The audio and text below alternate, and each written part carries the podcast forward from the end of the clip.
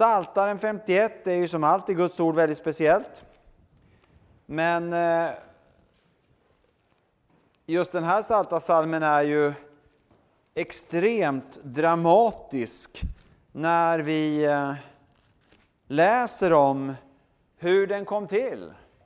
För David har ju gett oss en rubrik kring eh, vad det var för livssituation han var inne i när den heliga Ande ledde honom att Eh, skriva den här Psaltarpsalmen som var en syndabekännelse inför Herren. Eh, och det står ju så här då, och det är ju en del av grundtexten alltså.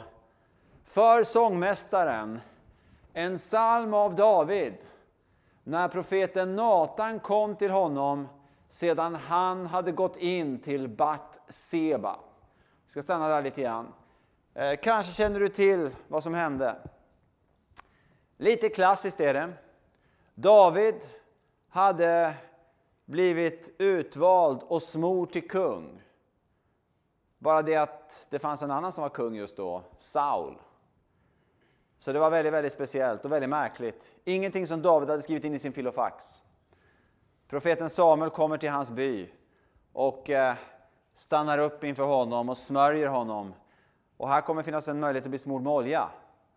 Men då blir det en liten dutt i pannan. Så var det inte på den tiden. Det var snarare en hink med olja eller en stor kruka med olja över. Och där stod han mitt ibland sina brorsor. På den tiden kunde man vara avundsjuk. Så de var avundsjuka på honom. Väldigt märklig tid. Eller hur? Och eh, det var ju väldigt speciellt jag tror David hade blivit galen där och då. Om inte det var sant som står i 1 Samuelsbok 16.13. Den heliga ande kom över honom från då och framöver. Så den heliga ande kom över honom och han var smord till kung med den lilla detaljen som vi sa nyss att han var inte kung i någon annans ögon än Guds, profeten Samuels och han. Eh, och eh, Sen väntade ju en stormig, stormig tid för David. Ni vet, ni kan den bibliska texten bättre än jag, eller hur? Kämpar mot Goliat, vinner seger för att Herren är med honom. Eh, får en favör hos kung Saul, men efterhand så blir ju Saul avundsjuk på David för att det går bra för honom. Så är det ofta i livet mina vänner, att eh, eh problemet i relationer med andra är oftast inte när det går dåligt för oss, utan det är när det går bra för oss. Det kanske har hänt någon gång. Ni är, präster och pastorer är inga annorlunda. Om man ställer sig med ett gäng präster och pastorer och, och, och någon börjar berätta om hur bra allting går, hur fantastiskt rik, välsignad tjänst de har och det går så underbart. Och då kan man se liksom hur någonting grönt börjar stiga upp hos de andra. Eh, det börjar bli lite jobbig stämning så. Va? Eh, däremot om någon pastor eller präst kommer och säger till andra, ja, ah, jag har det jobbigt just nu och ah, min tjänst är ganska misslyckad och då är alla andra fyllda av medlidande. Och Nej, så är det ju inte såklart, men ja, kanske. Det är nog lite så. Så i alla fall, David hade ju en storm bakom sig och sen då äntligen så blir han ju smord till kung. Till att börja med bara för en stam, men sju år senare för hela Israel. Och intar Jerusalem som blir eh, deras nya huvudstad som Gud själv har valt ut, bär upp förbundsarken, får ett profetiskt löfte om att hans tron är en evig tron. Alltså får reda på att han faktiskt är eh, Eh, del av, av, av den messianska släkten, att Messias kommer födas fram som hans son eller sonson eller sonsonson son eller sonsons son, son och så vidare. Så, så jag menar, allt är på topp. Allt är på topp. Och då kommer en liten detalj som jag tycker är intressant. Så står det sen att, att det, det är ett krig. Och David brukar alltid själv vara med och strida. Men nu gör han inte det längre. Och det är inte något fel. Alltså det, det, det, det var väl behövligt. Han var tvungen att vara kvar och kunga i Jerusalem kanske. Vad vet jag. Men, men, men, han är kvar i Jerusalem och de andra åker iväg och strider. Och där någonstans vet ni är David liksom på toppen. Han, han har allt det där som du längtar efter varje dag. Och jag också. Perfekt ekonomi, jättepopulär, perfekt position. Ni vet, allting har gått bra, stora segrar vunna. Är det inte det vi alla längtar efter? Men ni vet, de frågade en världsberömd författare en gång, som verkligen är berömd och har sålt böcker över hela världen. Det var en journalist som frågade honom så här en gång. Uh, Sir, is it anything you wish that people would have told you before you became famous? Alltså är det någonting du skulle vilja att folk hade berättat för dig innan du blev så här berömd? Yes, there's one thing, sa han. En sak. I wish they would have told me, jag önskar de skulle ha sagt till mig, that when you get to the top, there's nothing there. När du kommer till toppen finns ingenting där. Det ligger mycket i det. Nu var ju David på, på ett sätt Guds topp, jag menar fantastiskt, han hade favör och så vidare. Men, men, men ändå någonstans, vi är ju inte i himlen än. Så fullbordat blir det inte förrän det. Eh, och där går David och han är rastlös och han, han, har plötsligt tid, han har kommit in i en ny livsfas och allting flödar, allting är perfekt, allting är så bra. Och det är oftast uppe på toppen som det är mest andligt farligt. Då börjar blicken och börjar titta runt. Blicken, vet ni. Blicken. Mm. Det finns både det ena och det andra här om man surfar runt.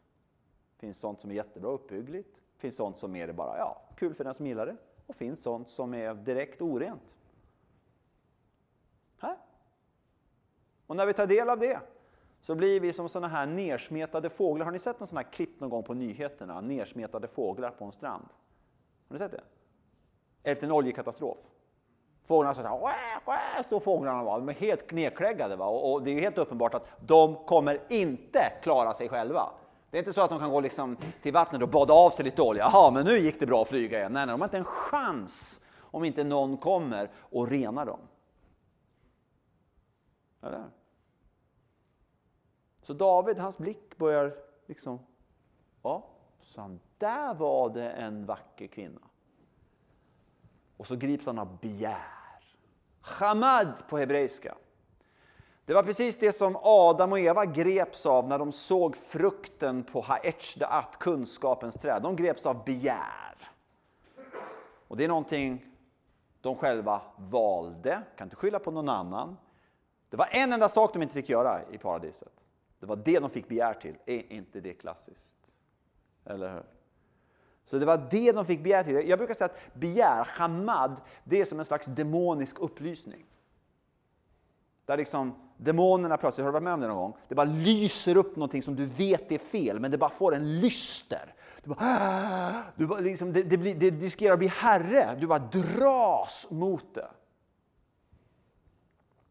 En myt som finns idag, som är stort spridd ute i världen, det är att synd är någonting roligt.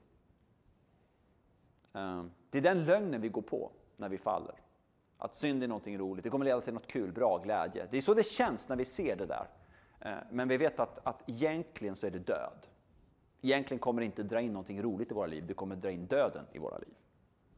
Synd leder ju alltid till död i mer eller mindre utsträckning.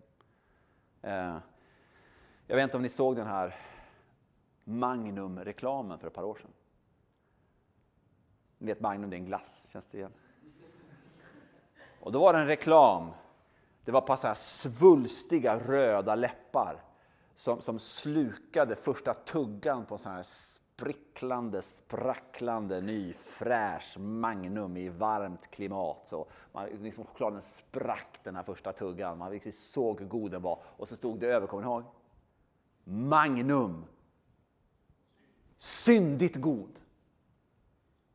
Kommer ni ihåg den? Syndig god. Alltså syndig god, det är så man tänker ute i världen. Va? Syndig god, då är det liksom inte bara lite gott, utan då är det så här jättegott, så som Gud som är stor taskfört inte vill att vi ska få ha det.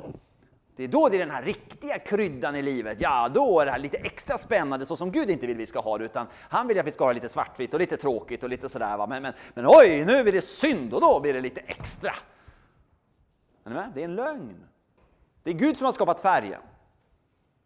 Gud står för färgerna. Djävulen har ingen färg, han är färglös. Han är metallisk, iskall, vill bara locka till död. Det är Gud som står för livet. Det är Gud som gett oss smakerna, kryddorna. Gud som gett oss allt i livet. Så, David nu då. Ser henne och plötsligt bara går det förbi alla hans system. Han vet ju att det här är fel. Han kan de tio buden.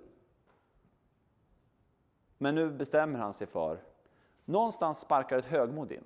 Det finns också alltid med någonstans när vi begår en synd, ett högmod att jag kan göra som jag vill. Jag kan göra som jag vill, jag står över det här, jag kan göra som jag vill. Det är inte så noga, kommer väldigt ofta. Det är, det är inte så noga. Det jag kan göra lite som jag vill. Och så väljer han att döva sitt samvete, eh, kalla upp henne, och han är ju kung. Ni vet, alla gör ju som han vill. Och där har du en annan sak, jag tänkte inte prata om något av det här egentligen, men, men nu kom det. Eh, ju starkare gåvor vi har, det är underbart att du har starka gåvor. Och det är det vi alla vill ha. Vi vill ha starka gåvor, vi vill vara kompetenta, vi vill vara smarta, vi vill ha hög utbildning och allt, eller hur? Det är bra, det är bra, du ska sträva högt. Det, det, det, det, det tror jag kan vara Gud själv som sätter den längtan och den drivkraften i dig. Men glöm inte bort bara att dina största plus kan bli dina största minus. Ju starkare du är, ju värre resultat när du faller. Eller hur? Eh, så i vilket fall, David han kan göra vad han vill, så han kallar upp den här tjejen och eh, har intim gemenskap med henne, för att uttrycka sig eh, rumsrent.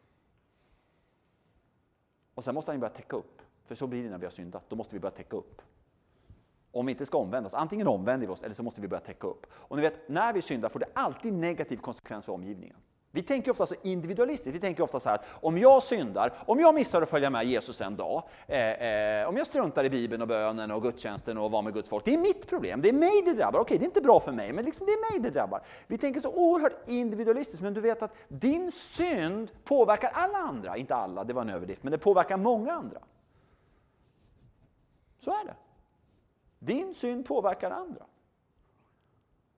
Precis som att när du följer Jesus påverkar du andra. Det tror du väl? Det hoppas du väl? Pannkakskyrkan är ett utmärkt tecken på det, men egentligen står för en princip för alla som följer Jesus, att, att vi har en kallelse att sprida Guds kärlek vidare. Mm.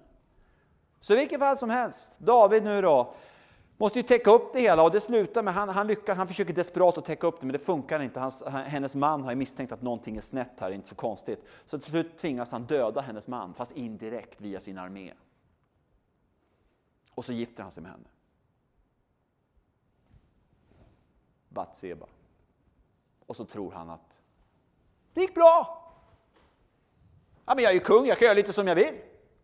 Det är nog inga problem. Och så har han dövat sitt samvete. Det är bara en sak. Profeten Natan. En profet kommer in. Och det är en man man får beundra. Som går in, och ni vet Natan hade inte läst Andra Samuelsboken. Han hade inte varit på den söndagsskolelektionen, för det hände just då. Och därför så visste inte han att han skulle överleva det här. Han hade inga garantier för det överhuvudtaget. Men han går rakt in till David. Det här är mod. Mod vet du, handlar inte om att du inte känner rädsla. Mod är att du låter den helige Ande i dig övervinna rädslan. Det är någonting helt annat. Den modigaste kan ibland vara den som känner att den har ett harhjärta, men går framåt ändå. Låter den helige Ande driva dig. Så nu går Natan in för David och så Natan han är en mästerlig pedagog. Den helige Ande är all over him. Så han bara berättar för David. Du David, jag vill bara berätta för dig en sak. Vi har haft, det har hänt en problematisk sak här i riket. Att, eh, ja, det är en rik knös som har, har utnyttjat en fattig man och han kunde ha tagit något eget lamm för att ge en gäst mat men han valde att råna en fattig man på hans enda lamm som han älskade lika mycket som sig själv egentligen. Den här rika knösen bara gick in till den här fattiga mannen, tog hans enda lamm för att servera en gäst. Kan du tänka dig, säger Nathan och David, åh, den där personen och David går omkring där och hittar på massa olika typer av straff Hur den här personen ska straffas. Och då ställer sig bara profeten Nathan framför honom och säger Ataha ish. Du är den mannen. Ataha ish.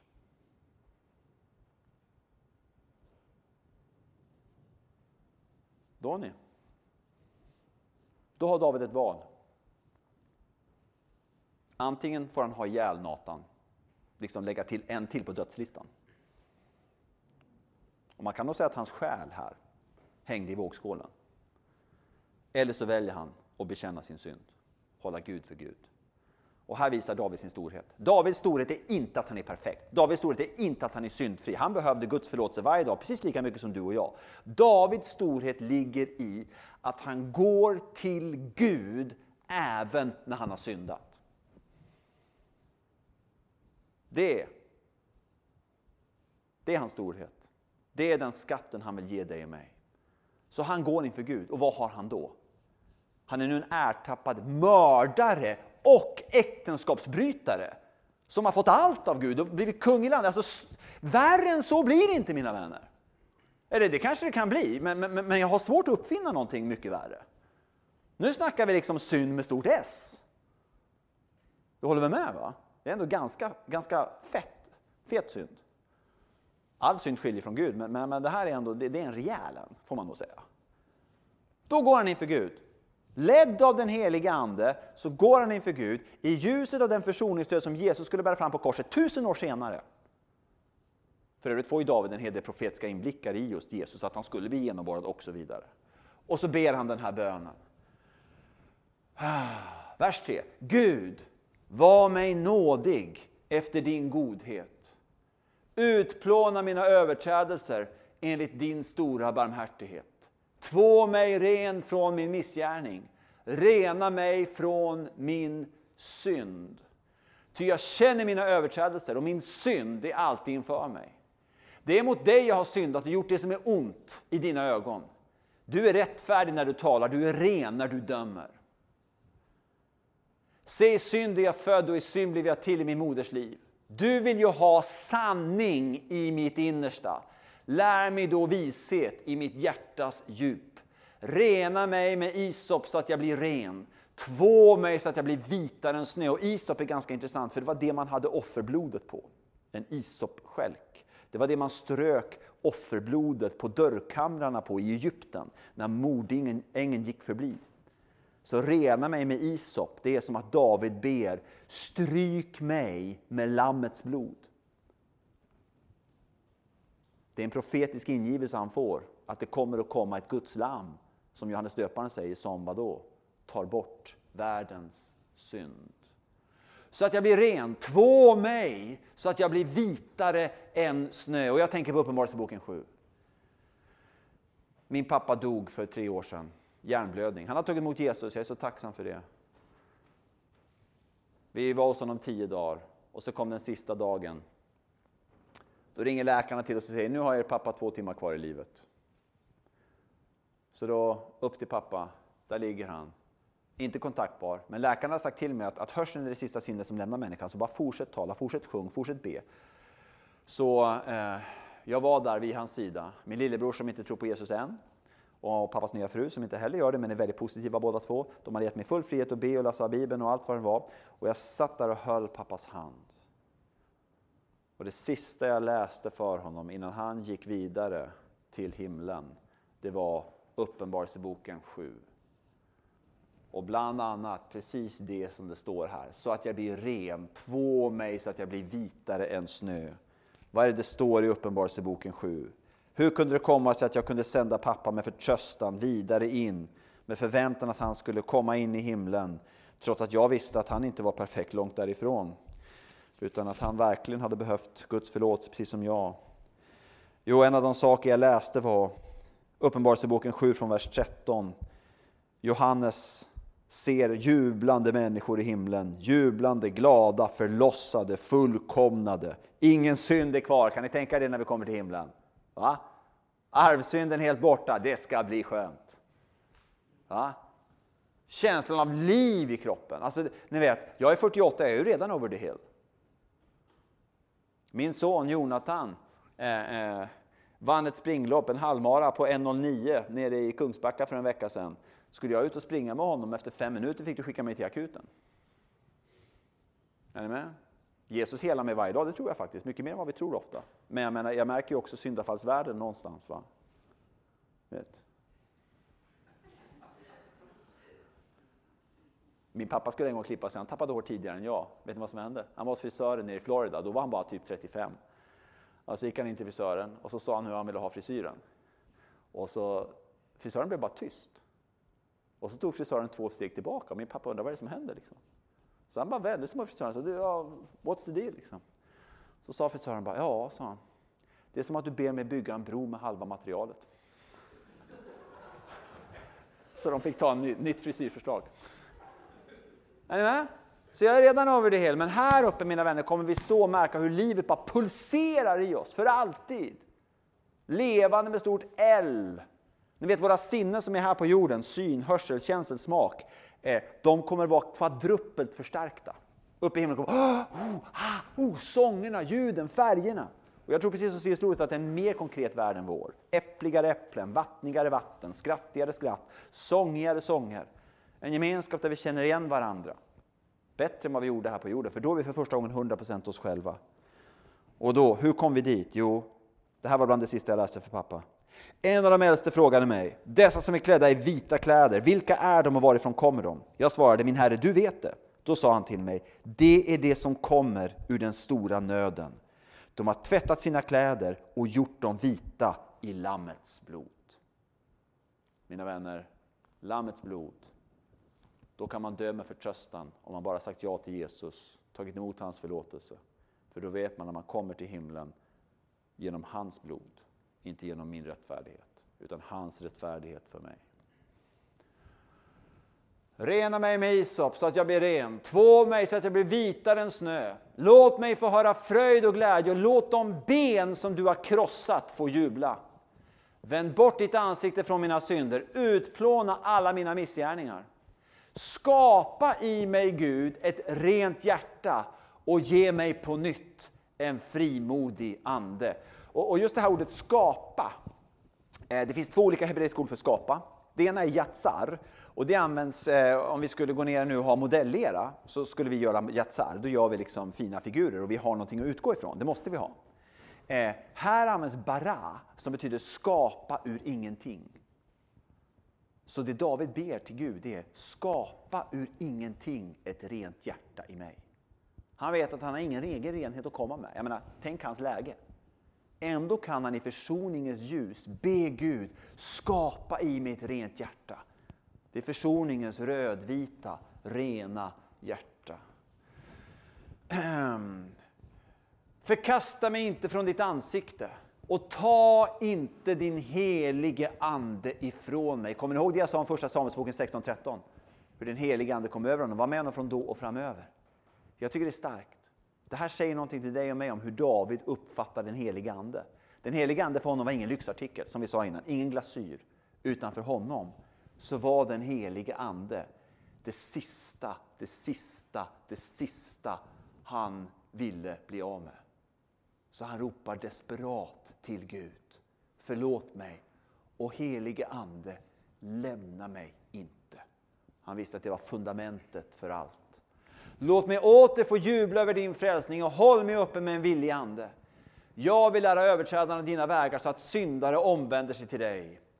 Rädda mig från blodskulder Gud, du är min frälsnings Gud, så ska min tunga jubla över din rättfärdighet. Lägg märke till att hans tunga ska inte jubla över hans rättfärdighet, utan det är det som är så underbart. När vi blir förlåtna så blir vi iklädda Jesu rättfärdighet för oss. Du har hört det någon gång innan tror jag. Men, men, men det är ändå, dess, icke desto mindre, något fantastiskt. Um, Herre, öppna mina läppar så ska min mun förkunna ditt lov. Slaktoffer gläder dig inte, annars skulle jag ge dig sådana. Brännoffer tycker du inte om. Offer som Gud vill ha är en förkrossad ande. Ett förkrossat och bedrövat hjärta föraktar du inte. Och vi kan stanna där bara kort, vi ska landa in mot syndabekännelse här. På hebreiska ett förkrossat hjärta, det heter nishberelev. Och eh, kan ni säga nishberelev? Tala hebreiska är flytande, underbart. Det betyder egentligen alltså någonting som har öppnats. Någonting som har öppnats, det kommer från ordet öppna bryta igenom. Eh, och eh, jag brukar ofta berätta om den källare som vi hade. Jag är uppvuxen i en villa där vi hade en regel. Att vardagsrummet skulle gå att städa på fem minuter. Vårt hus var i kaos. Så kom det en gäst som ringde på vid ytterdörren. Så gick någon och uppehöll gästen. Eh, andra gick in och städade vardagsrummet. Eh, på fem minuter skulle det kunna gå och vara snyggt. Så bjöd vi in gästen i vardagsrummet och bad till Gud att inte gästen gick vidare in i huset. Och så hade vi olika nivåer av katastrof. Absolut värsta var källaren. Det var väldigt praktiskt med källaren för det var en brant trappa ner. Så släppte man ner saker försvann de. Brum, brum, brum, tjup, borta. Och så vet en gång per år var det här operation, hämta julsakerna. Vet, var på med pannlampa, skyddsutrustning, liksom ner så här. Uh. Jesus säger i Uppenbarelseboken, se, jag står vid dörren och kryo, bultar. Det är en presens, betyder pågående aktivitet, alltså ingenting som börjar och slutar, utan han bultar ständigt på varenda människas hjärta du någonsin har träffat. Se, jag står vid dörren och bultar. Och så släpper vi in honom, men så vet vi någonstans, han är helig, han är Gud och människa på samma gång. Så vi tänker, okej, okay, jag bjuder in honom till mitt livs vardagsrum. Där får han vara. Där vi är lite finpyntade. Som vi kanske ofta är i gemenskapen med varandra, inte alltid, men ofta. Liksom. Vi visar vår lyckade sida, vår lite trevligare sida, vår lite mer polerade sida. Och det kanske är lika bra ibland, men i vilket fall. Eh, Jesus han nöjer sig inte med att sitta där i vardagsrummet. Utan han tittar på dig. Och så eh, tittar han på dörren ner till källaren. Så bara börjar han gå mot källardörren. Och du bara, äh, inte den dörren. Så bara sätter han handen på dörrvedet, så bara tittar han på dig och säger, min älskade barn, får jag gå ner där? Det är där han vill gå ner på djupet. Och tänk på att för David, hela den här syndabekännelsen rullade ut genom att han träffade en annan person av kött och blod, profeten Natan. Vi kör ju väldigt mycket kan själv, och jag menar, det stämmer på ett sätt. Om du ber Jesus om förlåtelse, så förlåter han dig fullt ut för allt. Tror du det? Det tror du va? För han betalade priset för 2000 år sedan, så liksom, den depån är redan färdig för att förlåta dig. Det kan vi vara tacksamma för. Han tog din synd och all synd du någonsin kommer att göra på korset. Det är väl bussigt? Eller? Så, så, det är inte det det handlar om. Alltså, ba, om du bara kastar en bönesuck till Jesus så blir du förlåten. Tror du det?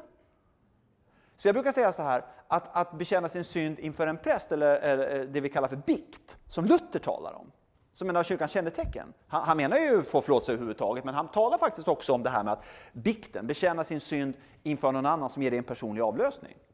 Eh, jag brukar säga så här att bikt, Gud behöver inte att du biktar dig. Mm. Jesus förlåter dig lika mycket om du bara helt själv eh, eh, ber Jesus om förlåtelse. Men du kan behöva att bikta dig för någon. Du kan behöva det. Om jag skulle tala om för dig vilka som är de viktigaste, absolut viktigaste, om du skulle ställa frågan till mig så här, Hans, eh, kan du berätta för mig, vad är den absolut viktigaste timmen i hela din andliga utveckling senaste fyra månaderna? Det är inte svårt för mig att svara dig. Jag vet det direkt. Det är inte en lovsångspass, även om det är underbart, jag älskar lovsång, eh, eh på något kvällsmöte på någon stor konferens. Det var inte när jag stod och predikade för jättemycket folk och tjo och hej. Det var inte ens det. Utan mitt absolut viktigaste, mest, mest avgörande, det var, nu är det cirka tre veckor sedan, då jag åkte till Klas. Stackars Klas är min biktpräst. Han har varit i cirka tio år. Och ni vet, bikt är det enklaste i världen. Man kontaktar en präst och säger, kan jag få bikta mig? Ja, visst säger prästen. Det ska vara någon du har förtroende för, det är ett tips, men alltså annars. Eh, och, och eh, så är det inte så när jag kommer in där, liksom att Klas står i en stor sån här, liksom, ha ha ha, nu ska vi ta och titta på din synd. Så, eh, Utan han, han tar emot mig helt lugnt. Och så sätter vi oss på varsin stol och så berättar jag lite om mitt liv, men med källarfokus. Vi går ner i min källare. Jag berättar saker för honom som jag inte berättar för någon annan. Det känns lite grann som att gå till tandläkaren. Vet, det är nyttigt, men, men, det är inte helt bekvämt precis när man börjar. Men vi, vi, nu känner vi varandra så bra. Så att, så att jag öppnar upp. Han får reda på sånt som ingen annan får reda på. Och så tittar vi på det och så hjälper han mig att sortera. Det finns olika lådor. Det finns lådan synd, lådan sår som inte är en synd utan ska helas. Och det finns lådan negativa bindningar, saker man har liksom fastnat i nu. Som man behöver liksom komma loss för, så man ser mönstren. Eh, som man behöver befrias från. Synd ska förlåtas, sår ska helas och, och negativa mönster ska man befrias från. I vilket fall som helst, så han hjälper mig att sortera in i olika lådor. Mest är det jag själv som sorterar och han bara tittar på, men så kommer han in med något inpass ibland. Och sen när jag har berättat om mitt liv, framförallt då det som är liksom det jag inte berättar för någon annan. Inte vid fikabordet, så roligt ska vi inte ha. Men det är där. Då, då efter det så, så, har han gett mig kanske några råd och sagt någonting lite grann sådär. Och sen får jag gå ner på knä. Och så bekänner jag min synd. Samma formulering som i gudstjänsten, som vi kommer ha alldeles strax. Inget konstigt alls. Men efter det får jag två meningar och bara formulera min egen syndabekännelse. Nu har jag redan sagt det till honom egentligen, men jag bara sammanfattar det i ett par meningar. Sen, vet ni vad som händer sen? Sen lägger han sina händer på mig och tillsäger mig personligen syndernas förlåtelse. Det är så starkt. Det är så makalöst starkt. Jag har inte varit med om en enda gång, jag menar känslor är inte det viktiga, absolut inte. Jag vet det. Men jag har inte varit med om en enda gång då inte det har varit starkt för mig. Och efter det så ber han, vet ni, han ber och nu är det en källarbön. Nu ber han om hur den heliga Ande ska fylla hela källaren. Och jag brukar säga, jag är aldrig så glad som när jag går från Klas, jag är glad som en spelman. Det känns som man har haft en inre vårstädning. Äh? Så det är bara ett tips till dig. Det finns en skatt i kyrkan som heter bikt. Luther talade om den, Luther uppskattade den, Luther la in den i en av kyrkans kännetecken. Kanske är det någonting som, som någon gång du skulle fundera på, att gå till en präst eh, och just säga, den här gången så, så, så inte först och främst bara samtal, utan den här gången skulle jag mer vilja bekänna min synd, bikta mig. Eh, det, det är ett steg i tro. Det är det för oss alla, det är det för mig också. Det blir liksom inte ett mindre steg i tro för att du har en krage, tro inte det. Eh, men, men det är välgörande. Så var det för David. Han stod inför en annan människa av kött och blod. Men du är lika förlåten om du inte gör det inför någon. Du fattade det, eller hur? Utan för din skull. Jag tror jag var tydlig. Nåväl, sista versen, vi ska väl komma igenom här, sen ska vi bekänna. Eh, vers 20. Gör väl mot Sion i din nåd, bygg upp Jerusalems murar. Då ska du glädja dig åt rätta offer, brännoffer och heloffer. Då ska tjurar offras på ditt altare. Det var det va? Eh, så att han, han avslutar med att, att fånga in glädjen någonstans. Makalöst. Han kunde få en andens glädje när han tagit emot förlåtelsen. Han helt naken stått inför Gud och sagt Förlåt mig, jag har syndat stort. Men hans förtröstan på Guds försoning var så stark så han bad om isopskälken som renade honom med det lammets blod som Jesus skulle utgjuta tusen år senare. Amen.